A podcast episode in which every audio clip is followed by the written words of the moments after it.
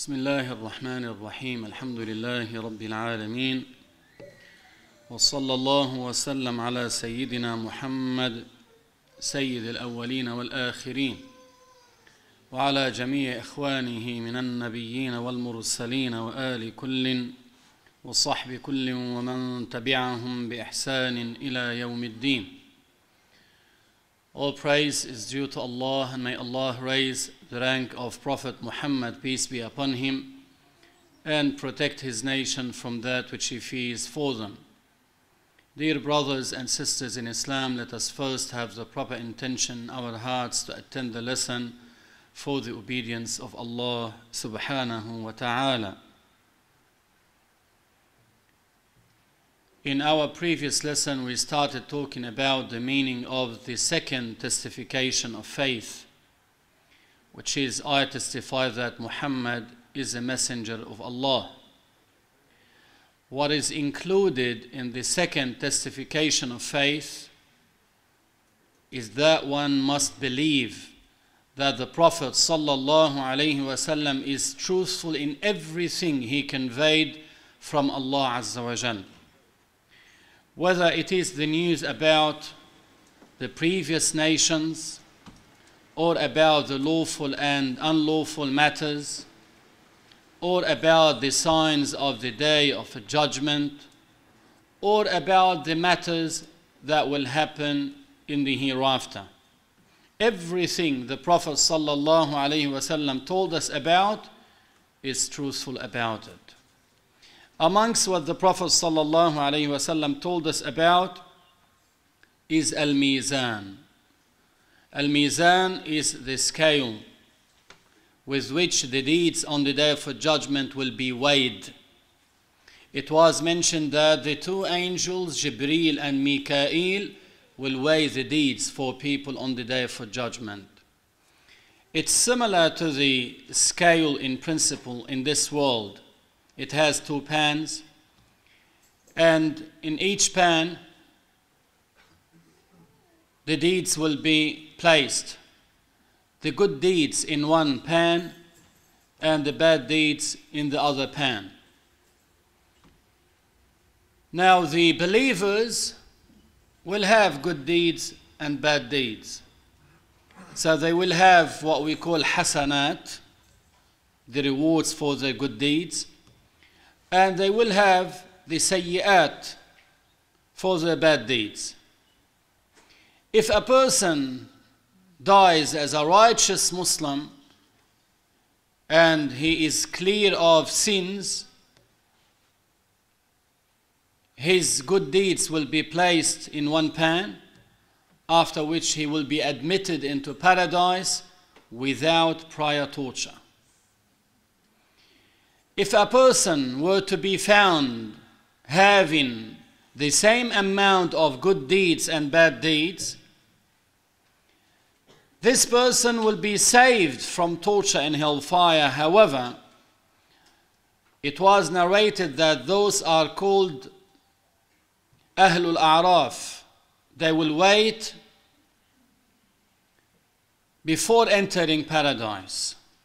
They will not be tortured in hellfire, however, they will wait. Others will go before them into paradise, then they will follow them, but they will not be tortured. However, if the bad deeds were to be found heavier than their good deeds, here we say they are subject to Allah's will. Had Allah willed for them to be tortured for a period of time in hellfire before being admitted into paradise, they will be tortured. Had Allah willed for them to be forgiven, although they deserve to be tortured in hellfire for committing the major sins and dying without repentance, that depends on the will of Allah Azza wa. So if a person dies as a major sinner, without repentance, we do not say about such a person he will definitely be tortured in hellfire. We do not say also he will definitely be forgiven. We say he is under Allah's will. Allah said in the Quran, وَيَغْفِرُ مَا دُونَ ذَلِكَ which is less than blasphemy لِمَنْ يَشَاءُ إِنَّ اللَّهَ لَا يَغْفِرُ أَن يُشْرَكَ بِهِ Allah does not forgive those who die as non-believers. They will not receive any forgiveness from Allah. وَيَغْفِرُ مَا دُونَ ذَلِكَ What is less than blasphemy, even from the most enormous sins after blasphemy, like committing fornication and adultery, drinking alcohol, not praying, not fasting, all those major sins. If one dies without repenting from these major sins, but he died as a believer while having the correct belief in Allah and His Messenger, we say about this person, he is under Allah's will. He might be tortured and he might be forgiven.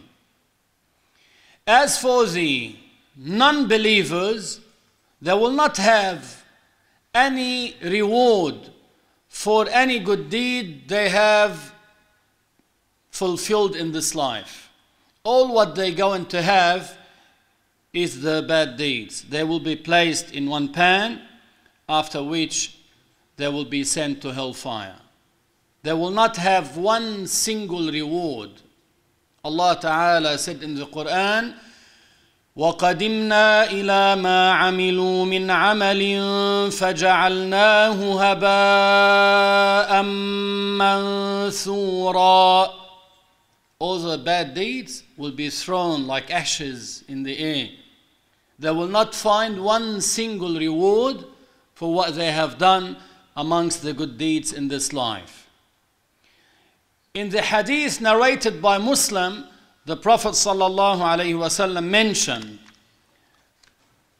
by saying, As for the non believer, Allah will give him as recompense for his good deeds in this life. But when he comes to the day for judgment, he will not see any reward. In this life, if there is a non believer, but he used to perform good deeds. He used to help the widows, the poor people, the needy people. He used to help them. But he was a non-believer. He did not worship Allah Azza wa Jal. When he dies in that state, he will go to hellfire. In the hereafter, he will not find one single reward in his books. Because it's a condition, a must for the validity of any good deed for one to be a believer first. So it's like the foundation. Having the correct belief in Allah and His Messenger is the foundation. So you cannot have levels, level one, two, three, four, without having a proper foundation. As for the believer, when he has the proper foundation, he is a believer, he can build stories he can pray, fast, perform Hajj, help needy people, and so on. He can build for the hereafter. And the taller building he would have in this world, a better reward he will get in the hereafter. But the non believer has no foundation. So he cannot build stories without foundation. That's why it's a must for the validity of the good deeds for one to be a believer first. Allah said in the Quran, ومن يعمل من الصالحات من ذكر أو أنثى وهو مؤمن فأولئك يدخلون الجنة ومن يعمل من الصالحات whoever performs the righteous deeds من ذكر أو أنثى whether a male or a female وهو مؤمن while being a believer فأولئك يدخلون الجنة those will be admitted into paradise so you can focus on the word وهو مؤمن so that's a condition a must for the validity of the good deeds is for one to be a believer first Aisha radiallahu anha asked the Prophet about her cousin called Abdullah ibn Jud'an. She said, O Messenger of Allah, my cousin Abdullah ibn Jud'an used to help the needy and used to visit his kin and he used to donate for the poor people in his tribe and he used to host people from his tribe and other than his tribe as well. So he used to perform all these good deeds. Will that benefit him on the day of judgment? The Prophet ﷺ said, No. Then he added by saying, He never said, oh Allah, forgive my sin on the day of judgment. Meaning, he was not a believer in the hereafter. And for not being a believer in the hereafter, he wasn't a believer. And for not being a believer, he will not get one single reward for all the deeds he used to do in this life. So the foundation is to have the correct belief in Allah and His Messenger. Also, the Prophet ﷺ told us about as-sirat, which is a bridge extended over hellfire. Extended over hellfire. It starts in the changed land. You know, when we mentioned that this earth will be destroyed on the day for judgment, it will be replaced with a flat one like silver. And that will be the place for assembly for people after they are resurrected from their graves. From the changed earth or the changed land to paradise, that bridge is extended, and underneath it will be hellfire. And people come to cross that bridge. Everyone, even the prophets, the righteous Muslims, will be asked to cross that bridge. But the prophets, in a blink of an eye, will cross that bridge. The righteous Muslims will be flying over the Sirat, that bridge. We ask Allah to make us amongst those who fly over that bridge to paradise. And some believers will be crossing this bridge based on their deeds in this life. So the way, the way they cross that bridge depends on their deeds in this life. And that's the meaning of the statement in the hadith, تجري بهم أعمالهم. They cross the bridge based on their deeds.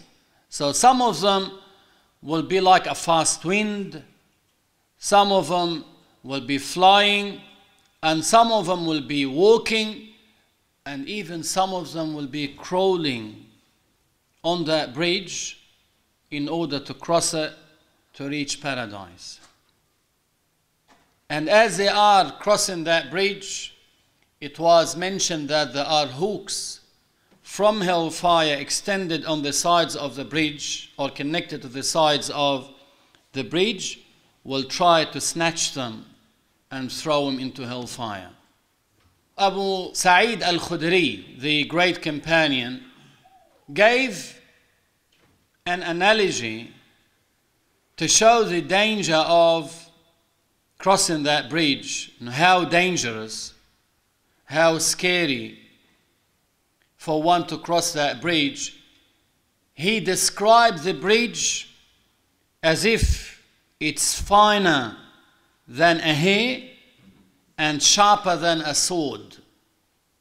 Imagine you were to be asked to cross on something that is sharper than a sword and finer than a hair.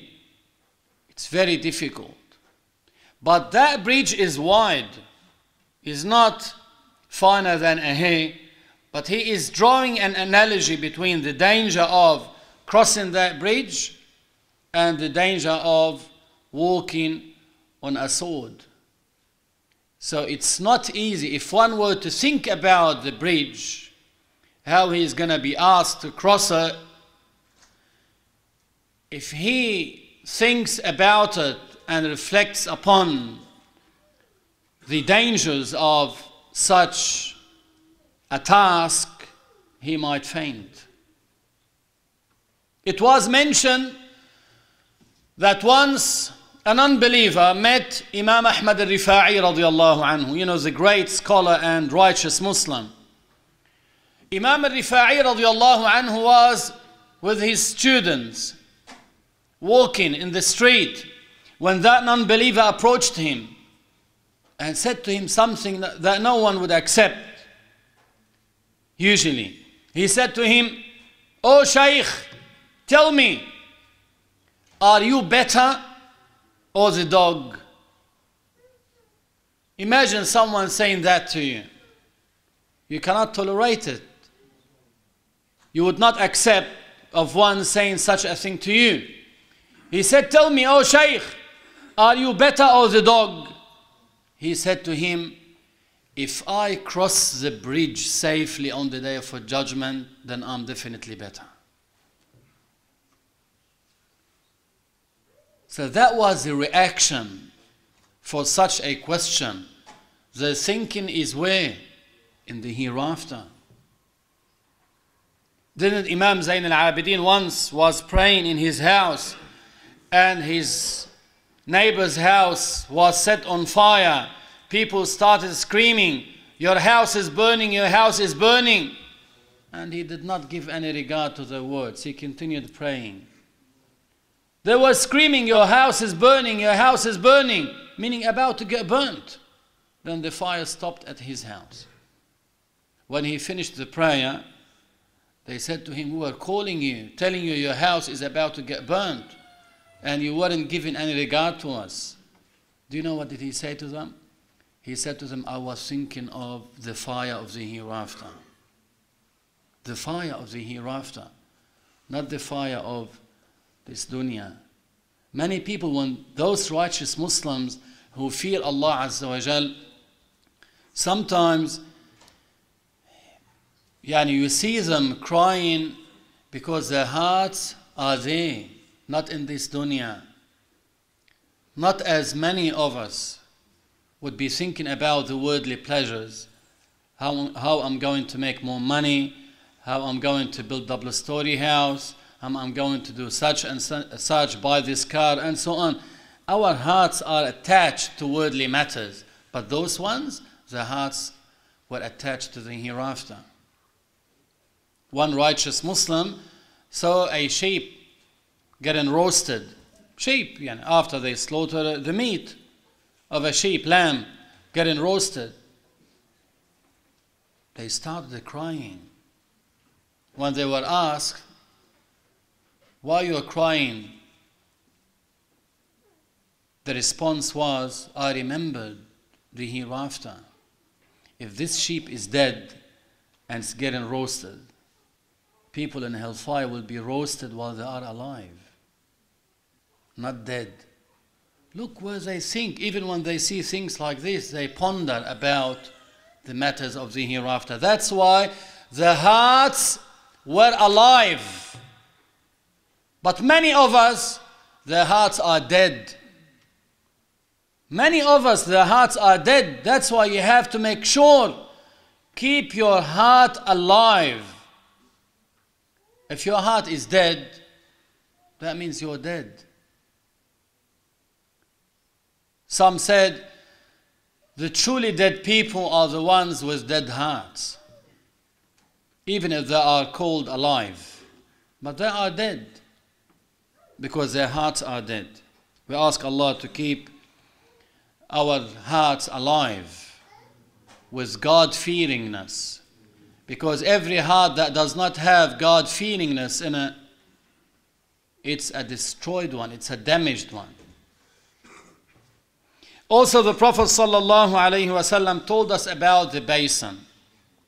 Now, some scholars said it is before crossing the bridge, and some said it's after crossing that bridge. The basin, it's a place that Allah subhanahu wa ta'ala prepared for the people of paradise to drink from before they enter paradise. After which they feel no thirst after they drink from it, they feel no thirst. So when they go to paradise, they will drink from the rivers of paradise that Allah named in the Quran rivers from pure water. Pure. You know, even if you have the cleanest water here on earth, if you put it in a container or keep it in a place for a long time, what happens? It rots. It gives a bad smell. But that water is not like that. It's not rotted. It's a pure water. They drink from it. It was mentioned that Allah subhanahu wa ta'ala prepared for his prophet a river called Al Kawthar in paradise. From Al Kawthar as well, there are pipes pouring into that basin outside paradise. People drink from this basin. The Prophet ﷺ mentioned that it is extended for a distance of one month. The number of utensils on it, like cups and the like, by which people drink from that basin, are like the number of stars in the sky. They drink from that basin, after which they never feel any thirst. But when they go to paradise, they drink, they eat, not because they are hungry or thirsty, rather out of enjoyment, just for enjoyment. They drink from rivers of pure water, rivers of honey, rivers of milk and rivers of wine, but that wine in paradise, which is not the intoxicating one in this life, that is stinky as well. It's different. It's called wine, but it's different. It's different. So they drink from them just out of enjoyment. Also, the Prophet told us about intercession, ash-shafa'ah. The prophets would be granted the right to intercede for the people, the believers only, for the people, meaning the sinners. They will intercede for them. The martyrs will intercede. The angels will be granted this right to intercede as well. And the practicing scholars will intercede as well. Even the child that died under puberty will intercede for his Muslim parents if they remain patient. So, all those types of people will be granted the intercession plus the angels will intercede on the day of judgment.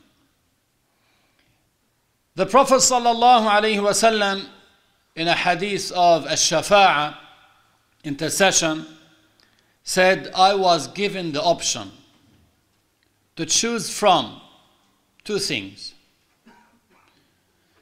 Either to be granted the intercession on the day for judgment, by which some sinners who deserve to be tortured in hellfire will be forgiven and they will be admitted into paradise without prior torture. So that was the first option. So the Prophet can choose between the intercession or half of his nation will enter paradise without torture. The Prophet said, I chose the intercession. Then he said, the reason why he chose the intercession is because it covers more people. Then he said, Do you think the righteous and pious believers are in need of intercession? They are not, because they enter paradise by their deeds. They will not be tortured. So all the pious of this nation, all the righteous of this nation will go to paradise without torture. Then what is left are the sinners of this nation. The sinners, the believers, but sinners. Because of the intercession of the Prophet sallallahu alaihi wasallam, many of these sinners will be forgiven on the day for judgment and they will be admitted into paradise without torture. And the intercession of the Prophet will cover every single believer of this nation, but the concept will be different for each one of them, or the effect of it will be different for each one of them. He will intercede for the righteous Muslims to be in higher ranks in paradise. He will intercede for some sinners from the major sinners who died without repentance and they will not be forgiven. And for others who are predestined for torture and hellfire, they will be tortured, but before they finish the term they deserve, they will be sent out of hellfire and be admitted into paradise. The Prophet ﷺ said in the hadith, Allah subhanahu wa ta'ala granted every prophet. That makes you cry. Allah granted every prophet a request to be fulfilled, supplication to be fulfilled. Each prophet was given one supplication that will definitely be fulfilled for him. The Prophet ﷺ said, Every prophet rushed to make that supplication, but I kept mine for the hereafter as intercession for my nation. That's his love for us. That's his love for us. He kept it for the day for judgment. Look, he did not use it for himself. He did not use it for our worldly matters. He could have asked Allah that Allah would make him the richest person in the world. He could have asked Allah subhanahu wa ta'ala to give him any of these worldly matters, but he never thought about this. He said, I kept it as intercession for my people, for my nation on the day for judgment. And some people, well, say, why do you commemorate the Prophet's birth? Even if we make salah on the Prophet every day, every time, we ask Allah to raise his rank, and even if we perform good deeds and we dedicate the rewards for the Prophet sallallahu alaihi wasallam, we will remain short. Short in reimbursing what the Prophet sallallahu alaihi wasallam did for us. Also, the Prophet ﷺ told us about paradise. Paradise is a place that Allah subhanahu wa ta'ala prepared for the believers to receive enjoyment therein. It's now created and it will remain without an end. Paradise does not perish. Hellfire does not perish. The enjoyment in paradise does not perish, it will remain. Enjoyment after enjoyment, enjoyment after enjoyment till no end. And there are types of enjoyments in paradise that even the angels in charge of paradise are unaware of. They don't know about. The Prophet ﷺ said, Allah Ta'ala said, so it is a Qudsi hadith, I have prepared for the righteous believers types of enjoyments in paradise that a person has never seen and has never heard of and even has never imagined of. Just think about imagination. Okay, we haven't seen that enjoyment, we haven't heard of these types of enjoyment, but even never crossed our hearts, even never imagined of. So, you, how, for instance, to what extent your imaginations can lead you to think of types of enjoyments in paradise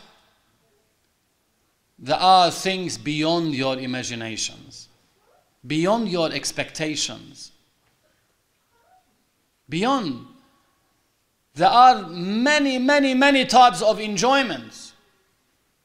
So you think of, for instance, you might think to the extent, uh, I wish I have a flying horse. There is a flying horse in paradise. You ride a flying horse, it will fly in paradise, will take you to different places. There is. So, what do you expect? Muslims in paradise. Now, if you miss your brother, you want to visit your brother, what do you need to do? You will have a bit, let us say, even the slightest, the slightest effort you might put to visit your Muslim brother, you will see a bit of hardship in it. So, in such a weather, for instance, you need to get out of your house, get into your car, drive to your friend. Maybe you need to walk up the stairs. But you need to put some effort. So, walking up the stairs, reaching his place, there is a bit of effort. You might get tired the slightest. But in paradise, it's different. You have like a bed where you sit, and not because you are tired, it's like a throne for you. Sarir, bed. You sit on it. It's like a couch where you are sitting on it. Then you have in your heart that feeling, that wish that you want to visit your friend in paradise. This bed will fly the bed will fly to your brother and you'll be facing each other. You are in your bed and he is on his bed. Then you talk to each other. Now you tell me, like, you haven't thought of such an enjoyment in paradise. Imagine you say, I wish I have a tree with fruits on it.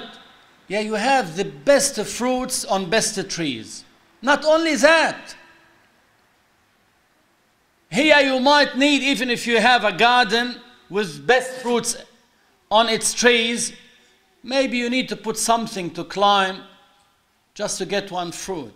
In paradise, you don't need to. You feel that now you desire a fruit, the tree will lower to you. The tree will bend until the fruit will be in front of you. You pick the fruit, what happens? Another one will be created in its place. So it's always full, that tree. The trunk of the trees of paradise are made of gold. So just the scene, the scene of this paradise is very relaxing. Gives you serenity, tranquility just by looking. Also, when you see birds flying in paradise and you desire to eat birds, they come down to you fried in the way you want it. You eat, no rubbish in paradise. Then they will become live birds again and fly in paradise. In this life, when you eat and drink, sometimes you get worried about going to toilet. In paradise, there's no need. Because everything you eat or drink will come out of your body like sweat, but with musky smell, fragrance. So it's like you're putting perfume on. And of course, the musk of paradise is not like the musk in this life. So it comes out of your body as musky sweat. What do you expect more There are even types of enjoyments beyond one's imagination. Isn't it worth it to work for the hereafter? By getting a bit tired in this life? That's nothing. That's nothing. Now, if they tell you, go to that place now, drive your car, go to that place, they will give you $50,000. You drive for $50,000. You drive 50k, 100k, 50,000. If they ask you to work, let us say, as security guard, for instance, they say now we're going to give you $100 per hour. 100. Would you work 12 hours? Yes, give me 24 even. You need more. This doesn't happen every day. Look at this reward and look at the reward in the hereafter. That's why the righteous ones, their thoughts are there. Paradise, hellfire, the bridge, weighing of the deeds, assembly, resurrection. They always think about these matters. That's why their hearts are soft and, and alive. Not as many in this nation now whose hearts are dead. Dead. The biggest enjoyment in paradise for the believers is that Allah will enable them to see Allah Azza wa Jal without Allah being in a place or direction, without a distance between them and Allah, and without Allah having a shape or a form Allah enables them to see Him, and while the believers are in paradise, they see Allah Azza wa Jal. Some of them once a week, some of them more. It depends. And that will be the biggest endowment from Allah upon the people of paradise. The biggest, the greatest endowment. They will see Allah Azza wa Jal.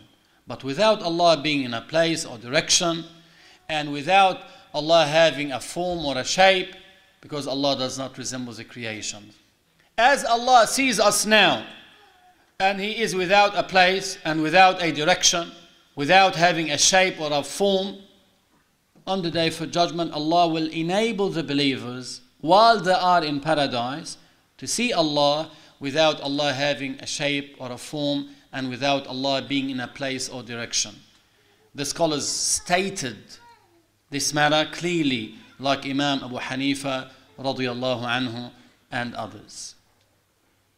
Allah Ta'ala said in the Quran, لِلَّذِينَ أَحْسَنُوا الْحُسْنَى وَزِيَادَةً لِلَّذِينَ أَحْسَنُوا For those who have performed righteous deeds in this life, the recompensation for them is what? Al-Husna. What is Al-Husna? Paradise. Waziyada, something on top. What is that thing on top? The scholar said, it's the endowment of seeing Allah Azza wa Jal. That's the endowment. Aren't you excited to be in paradise? Isn't it worth it to work hard for paradise? Yes. One person came to a righteous scholar and said to him, Tell me something about paradise that will make me more motivated towards working for paradise, to make me long for paradise. Tell me something about paradise, something that is enough a motive for me to work for paradise. What did he say to him? He said one sentence. In it, there is Muhammad Rasulullah. That's it. Wouldn't that make you enough motivated to work for paradise? Where you see the Prophet? Where you meet the Prophet sallallahu alaihi wasallam? That's enough. Also the Prophet sallallahu alaihi wasallam told us about hellfire. Hellfire is the abode of torture. The non-believers will dwell in hellfire forever. They will never be sent out of it. See, when we talked about the bridge, crossing that bridge, the non believers will not manage to cross that bridge. As they are asked to cross that bridge, they will fall into hellfire. And they will never be sent out of it. The torture of hellfire is everlasting. The non believers will dwell in hellfire forever, as Allah said in the Quran. إن الله لعن الكافرين وأعد لهم سعيرا خالدين فيها أبدا لا يجدون وليا ولا نصيرا The non-believers will dwell in hellfire forever. They will find no supporter, no aid from anyone. They will be in hellfire forever. They ask the angel in charge of hellfire, Malik, that's the angel in charge of hellfire. They said to him, Ask your Lord when we are going to be sent out of hell. He goes and comes back after 1,000 years. And they are waiting. 1,000 years, waiting, just to give him an answer. And the answer will be, You are staying here. You are staying here after 1,000 years. You are staying here. That's the wait. That's the wait. When they are tortured, no rest, torture day and night. Because in hellfire it's pitch black. There's no like, you know, here a day where you have light and then you have night. It's pitch black. That's the torture. Dark all the time and they are getting tortured. Imagine amidst that torture, they are waiting for 1,000 years to get the answer that you are staying here. Allah Ta'ala said, ونادوا يا مالك ليقض علينا ربك قال إنكم ماكثون They ask him, when we get out of hell, after 1,000 years, he tells them, You are staying here.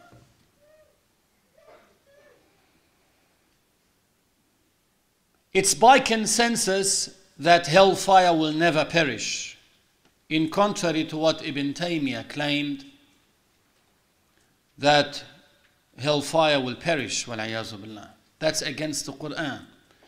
A scholar at his time called Taqiyuddin as-Subki at his time wrote a book. He called his book الاعتبار ببقاء الجنة والنار الاعتبار ببقاء الجنة والنار It's like the proof that paradise and hellfire will never perish.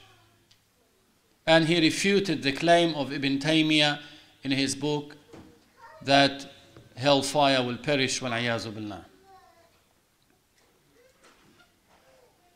Also, the Prophet ﷺ told us about the belief in Allah's angels, that they are creations of Allah subhanahu wa ta'ala, they are honorable slaves of Allah Azza wa Jalla they never disobey the orders of Allah Azza wa Jal. They always fulfill what Allah subhanahu wa ta'ala orders them. They are not males nor females they do not reproduce. They are not males nor females. They do not reproduce. They do not eat. They do not drink. And they do not sleep. Their time is filled with obeying Allah Azza wa Jal. Allah Azza wa Jal guided them. Although they have a will, but they choose only to do the right thing. They obey Allah. The Prophet ﷺ said in the hadith that at a distance of four fingers in the skies, in each sky, every distance of approximately four fingers, you see an angel praying to Allah Azza wa So if you were to be able to see the sky and what is in it, as the Prophet said, you will see the angels praying. Some in the standing position, some in the ruku', some in the sujood. As when you go to the mosque and you see people praying, you see one is in the standing position, one in the ruku', one in the sujood. You see all that. That's what you see in the skies. Filled, packed with angels. The skies are crowded with angels.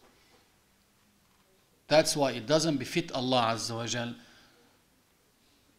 to be in the sky as some people may claim falsely. Because Allah will be crowded by the angels. Allah created the skies for the angels. And the skies are filled with angels.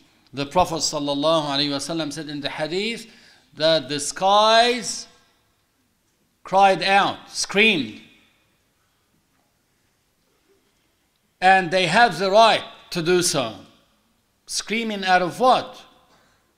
The Prophet said, at a distance of approximately four fingers, there is an angel who is praying to Allah Azza wa Jal.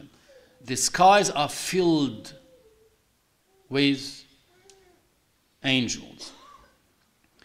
Also, to believe in the prophets and messengers of Allah. Every messenger is a prophet, but not every prophet is a messenger. If a prophet receives a new set of rules different from the ones revealed to the previous messenger, then they say he is a prophet and messenger. If he is ordered to follow the rules revealed to the previous messenger and to convey these rules, then he is a prophet but not a messenger. Also, we must believe in the revealed books. There are 104, but the famous four are Al Quran, Torah, Injil, and Zabur. Quran was revealed to Prophet Muhammad sallallahu alaihi wasallam. Torah was revealed to Prophet Musa alayhi salam Moses. Injil was revealed to Prophet Isa alayhi salam And Zabur was revealed to Prophet Dawood alayhi salam. Also, one must believe in Al-Qadr. That is, everything that happens in this universe is predestined by Allah subhanahu wa ta'ala, whether good or evil. As the Prophet said, وَأَن تُؤْمِنَ بِالْقَدَرِ خَيْرِهِ وَشَرِّهِ You must believe in Al-Qadr, that both good and evil are decreed and predestined by Allah Azza wa Jal. Who created Iblis, Satan? Allah. Allah created Iblis and Satan. He is the head of evil. So Allah created good and evil. But Allah ordered us to do only the good and warned us against committing what is evil. But Allah created everything. Both good and evil are created by Allah, predestined by Allah Azza wa Jal. But we are ordered to do only what is good and to avoid what is evil. Also, the Prophet told us that he is the best out of all the children of Adam and that he is the last prophet and messenger. There will not come a prophet after Prophet Muhammad sallallahu alayhi wasallam. Now we all know that Prophet Isa alayhi salam will descend to earth before the day for judgment, but he's not a new prophet. He was born before Prophet Muhammad sallallahu alaihi wasallam by about 600 years.